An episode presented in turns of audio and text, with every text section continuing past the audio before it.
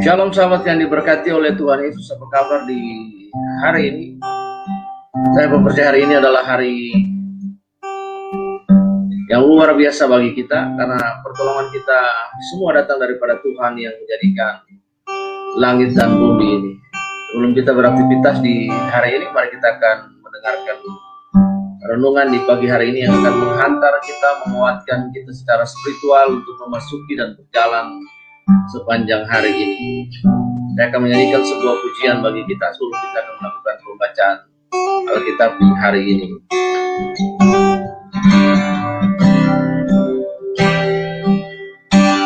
Yesuslah jawaban bagi dunia satu pun yang dapat melebihi dia.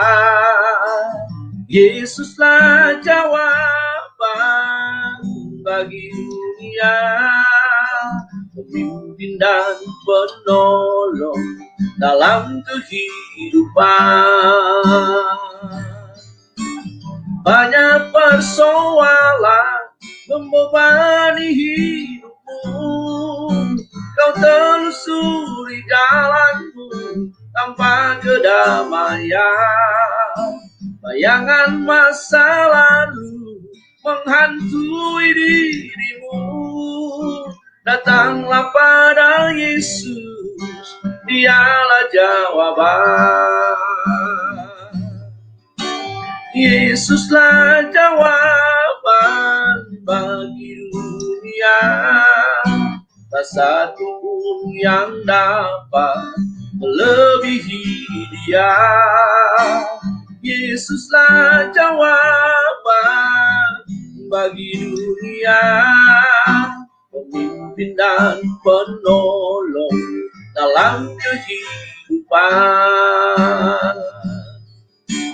Banyak persoalan membebani hidupmu Kau terus jalanmu tanpa kedamaian. Bayangan masa lalu menghantui dirimu. Datanglah pada Yesus Dialah jawaban. Datanglah pada Yesus Dialah jawaban. Mari saudara kita tunduk kepala dan kita berdoa. Kasih karunia Allah yang jauh melampaui segala roh hikmat akal dan pikiran Sebelum kami melakukan aktivitas kami di hari ini Tuhan, kami ingin mendengarkan kebenaran firman Tuhan yang mendasari perjalanan kehidupan kami sepanjang hari ini. Roma 10 ayat yang ke-17 berkata bahwa iman timbul oleh pendengaran dan pendengaran akan firman Tuhan Yesus. Karena itu kami bersyukur di dalam nama Yesus Tuhan. Berbicara bagi kami Tuhan sepanjang hari ini. Kami bersyukur. Haleluya. Amin. Nah, sahabat yang diberkati oleh Tuhan Yesus di hari ini, kita akan melakukan pembacaan Alkitab kita dari Mazmur pasal yang ke-90 ayat yang ke-12. Ajarlah kami menghitung hari-hari kami sedemikian sehingga kami memperoleh hati yang bijaksana. Bapak Ibu Saudara yang dirahmati oleh kasih karunia Tuhan, Pemasmur mengajak kita untuk menghitung hari-hari hidup kita sedemikian sehingga kita memperoleh hati yang bijaksana. Kita memperoleh pengertian atas situasi yang terjadi hari ini. Kita memperoleh pengertian untuk melihat hari ini. Kita memperoleh pengertian untuk melihat kondisi yang ada di sekitar kita. Apa pun yang terjadi. Bagaimana Allah, apakah sedang melawat bangsa ini? Bagaimana situasi? Bagaimana kondisi gereja pada era ini? Bapak Ibu Saudara yang dirahmati oleh kasih karunia Tuhan Yesus Kristus. Ada beberapa contoh di Alkitab bagaimana orang-orang yang memahami hari-hari Tuhan yang memahami dan belajar untuk menghitung hari-hari Tuhan, mempersiapkan hari-hari mereka sehingga mereka memperoleh hati yang bijaksana.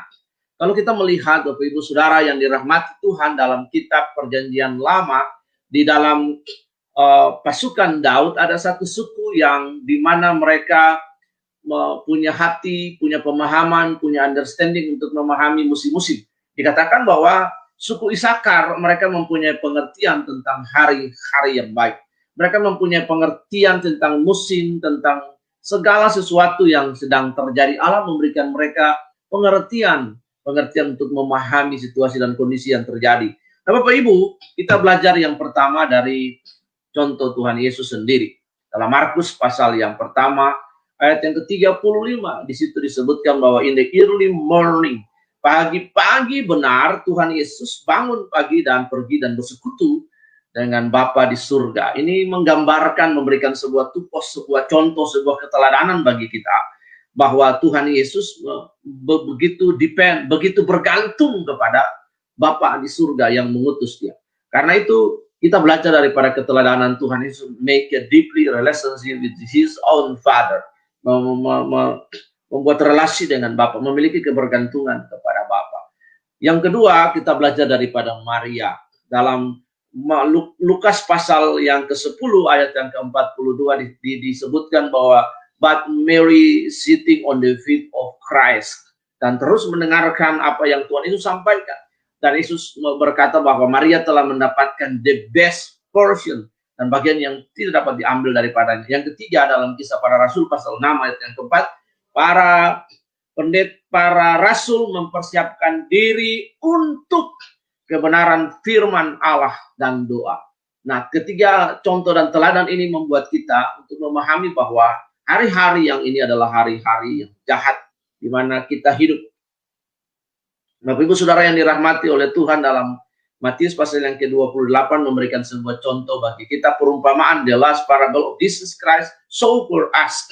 Ada lima gadis yang bijaksana dan lima gadis yang bodoh. Bagaimana mereka hidup? Apakah hidup mereka bijaksana? Ya, yang bijaksana, hidupnya mereka bijaksana, tetapi yang bodoh hidup mereka adalah hidup yang bodoh, yang tinggal dalam kebodohan. Mereka tidak dapat bijaksana karena mereka tidak tahu belajar untuk menghitung hari-hari Tuhan. Bapak Ibu Saudara, yang kita lihat hari-hari ini, yang pertama kita dapat melihat bahwa pembangunan-pembangunan itu bertumbuh dan berkembang pesat. Teknologi sangat maju. Seiring dengan teknologi itulah perubahan pola hidup manusia, karakter manusia itu mengalami perubahan-perubahan. Dan sampai kita bisa melihat bahwa dengan begitu majunya teknologi dan pola pikir manusia, sampai manusia pun sendiri menentang Allah Jauh-jauh hari sebelumnya kita dapat melihat para uh, ahli yang berkata ada satu orang ahli yang berkata saya berpikir maka saya ada. Ya Tuhan memberikan kita pikiran tetapi dengan saya berpikir saya ada itu maka mengabaikan Allah sebagai pencipta. Kemudian kita lihat para filsuf mengembangkan tek filosofi mereka, mengembangkan teori mereka dan bahkan ada yang sampai menentang Allah. Salah satu yang terakhir adalah Steve Hawkins yang menciptakan kita dapat melihat big hole teori, big hole teori, big bang, kemudian ada bahasan lagi tentang the gas particle dan lain sebagainya. Bapak Ibu kita melihat teknologi menggiring dan membawa manusia sampai menjauh daripada Allah. Yang kemudian adalah yang kedua dari sisi dari sisi rohani kita dapat melihat bahwa hari-hari ini ada banyak muncul ajaran-ajaran yang bertentangan dengan Alkitab itu sendiri dan di dalam kekristenan itu sendiri kita dapat melihat begitu masuknya ajaran-ajaran palsu dan ajaran-ajaran yang bertolak belakang dan bertentang dengan Alkitab, bahkan yang sudah ditentang oleh para rasul, yang ditentang oleh para rasul, kemudian bapak-bapak gereja. Tidak dapat melihat mereka masuk dan secara halus melakukan penetrasi di dalam gereja. Dan dan secara rohani, hal yang paling ditentang adalah keilahian Yesus Kristus sendiri. Bagaimana pengajaran tentang kristologi itu ditentang oleh orang Bagaimana kita lihat di dalam sejarah sampai hari ini kehadiran Yesus Kristus itu ditentang oleh oleh Herodes, kemudian oleh banyak para tokoh yang ingin me me menghancurkan Tuhan Yesus. Kita dapat melihat di situ. Tapi kristologi keilahian Tuhan Yesus itu tidak pernah dapat dihancurkan. He still God. Dia tetap Tuhan. Bapak Ibu yang dirahmati oleh kasih karunia. Karena itu mari kita belajar di hari-hari ini. Firman Tuhan berkata, ajar kami Tuhan ajar kami, meminta Roh Kudus menuntun, mengajar, mengedukasi kita untuk menghitung hari, duduk kemudian belajar, melihat, menganalisa, menghitung hari, dan kemudian bertanya, Tuhan apa yang sedang terjadi? Seperti Habakuk yang naik ke gunung yang tinggi, kemudian dia berkata dari tempat pengintaianku, Aku ingin duduk di dalam tendan dan mendengarkan Tuhan berbicara bagi bangsa. Bapak Ibu Saudara yang dirahmati oleh kasih karunia di dalam Yohanes pasal yang pertama, surat Yohanes pasal yang kedua kita dapat menemukan di situ. Ayat yang ke-15 dapat membacanya. Di situ dikatakan, janganlah kamu mengasihi dunia. Janganlah kamu mengasihi dunia dan apa yang ada di dalamnya. Jika engkau mengasihi dunia, maka kasih akan Bapa tidak ada dalam orang. Di dalam ayat yang lain, firman Tuhan uh, berkata satu Korintus pasal yang ke-16 ayat yang ke-20, di situ dikatakan bahwa siapa melawan aku dia tidak bersama-sama dengan aku. Jadi kalau kita ada di pihak dunia maka kita menjadi kontra daripada Allah. Itulah sebabnya ada sebuah istilah yang bagus bagi kita adalah pro Kristo kontra mundum. Kita harus ada pada sisi Kristus. Karena itu mari kita kuatkan pengajaran kita, kita kuatkan ibadah kita dan pengakuan kita akidah kita kepada Tuhan Yesus itu pengakuan kita kepada ke keilahian Tuhan Yesus yang tidak dapat berubah itu percaya kepada Yesus Bapak Ibu Saudara yang dikasih Tuhan semua orang yang ada dalam dunia yaitu keinginan daging dan keinginan mata serta keinginan hidup bukanlah berasal daripada Bapa melainkan daripada dunia. Itu sebab dia bilang dunia berubah dengan begitu cepat the fastest changing world, kita dapat melihat dunia berubah.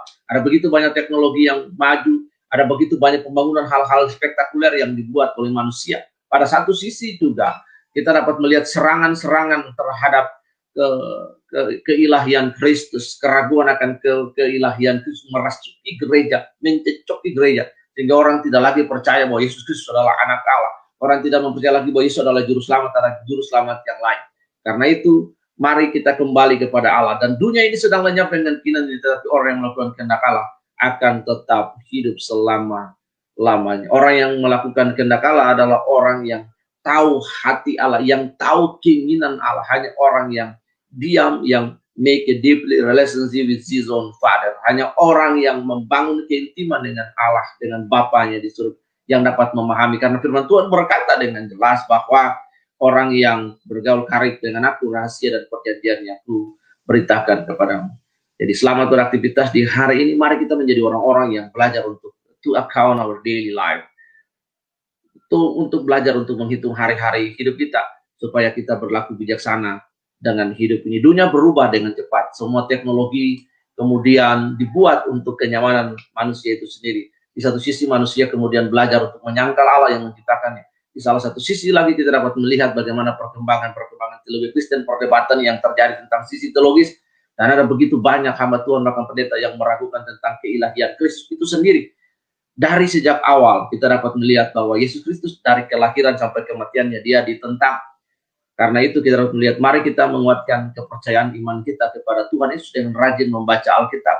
Kemudian tinggal di dalam kehendak Allah sehingga kita dapat memindai dunia ini. Apa yang sedang terjadi? Tuhan berkata hanya orang yang bergaul karib dengan Tuhan, rahasianya di perjanjian diberitakan. Karena itu biarlah kita menjadi seperti orang-orang Isakar yang mengerti momen, yang mengerti the God season, musim dan waktu-waktu Allah dengan baik. Karena itu biarlah iman kita timbul dari pendengaran dan pendengaran akan firman Tuhan. Tidak ada hal yang lain. Dan percayalah bahwa there is no one can restore our situation better than God. Siapa pun boleh ngomong, pendeta pun boleh ngomong, tapi dia bukan Tuhan. Karena itu tetaplah dengarkan perkataan-perkataan Kristus yang memberikan hidup kepada kita, yang memberikan kekuatan kepada kita. Sebelum kita berdoa, saya ingin menyanyikan satu pujian ini bagi kita. Yesuslah jawaban bagi dunia dan satu pun yang dapat melebihi dia.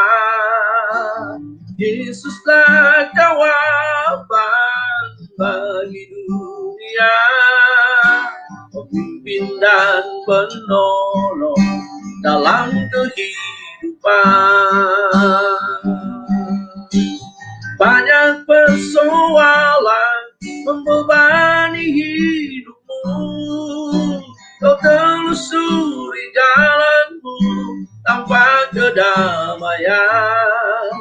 Bayangan masa lalu menghantui dirimu. Datanglah pada Yesus, dialah jawaban. Yesuslah jawaban bagi dunia. Tak satu pun yang dapat melebihi dia. Oh, Yesuslah jawaban bagi dunia. Pemimpin dan penolong dalam kehidupan. Pemimpin dan penolong dalam kehidupan. Mari tunduk kepala dan kita berdoa. Bapak kami berdoa dan mengucap syukur bagi siapa pun, siapa saja yang menyaksikan renungan singkat ini. Tuhan memberikan roh dan kebijaksanaan bagi kami supaya kami dapat belajar untuk menghitung hari-hari hidup kami sehingga kami dapat menjadi bijaksana dengan hari hari hidup kami. Kami memiliki ketajaman roh spiritual proneo untuk memindai situasi yang terjadi dan untuk menangkap dan memahami frekuensi Allah, kegelisahan Allah, Tuhan bagi dunia ini. Kami berdoa dan mengucap syukur biar kami menjadi seperti orang-orang Isakar yang memiliki pengertian dan musim akan hari-hari yang baik. Dan seperti lima gadis bijaksana yang mengerti dan mempersiapkan diri dengan baik. Dengan demikian kami mengerjakan keselamatan kami dengan takut dan gentar supaya kami dapat menyongsong eskatologi kami, pengharapan eskatologi kami di dalam Kristus Yesus. Kalau suatu saat bunyi sangkakala itu terdengar, maka kami ada bersama-sama dengan Tuhan. Terima kasih Yesus sepanjang hari ini, kekuatan, kasih karunia, limpah rahmat bagi semua kami untuk melakukan aktivitas di hari ini. Kami bersyukur di dalam nama Tuhan Yesus. Haleluya. Amin. Sahabat Tuhan Yesus memberkati, selamat beraktivitas di hari ini. Amin.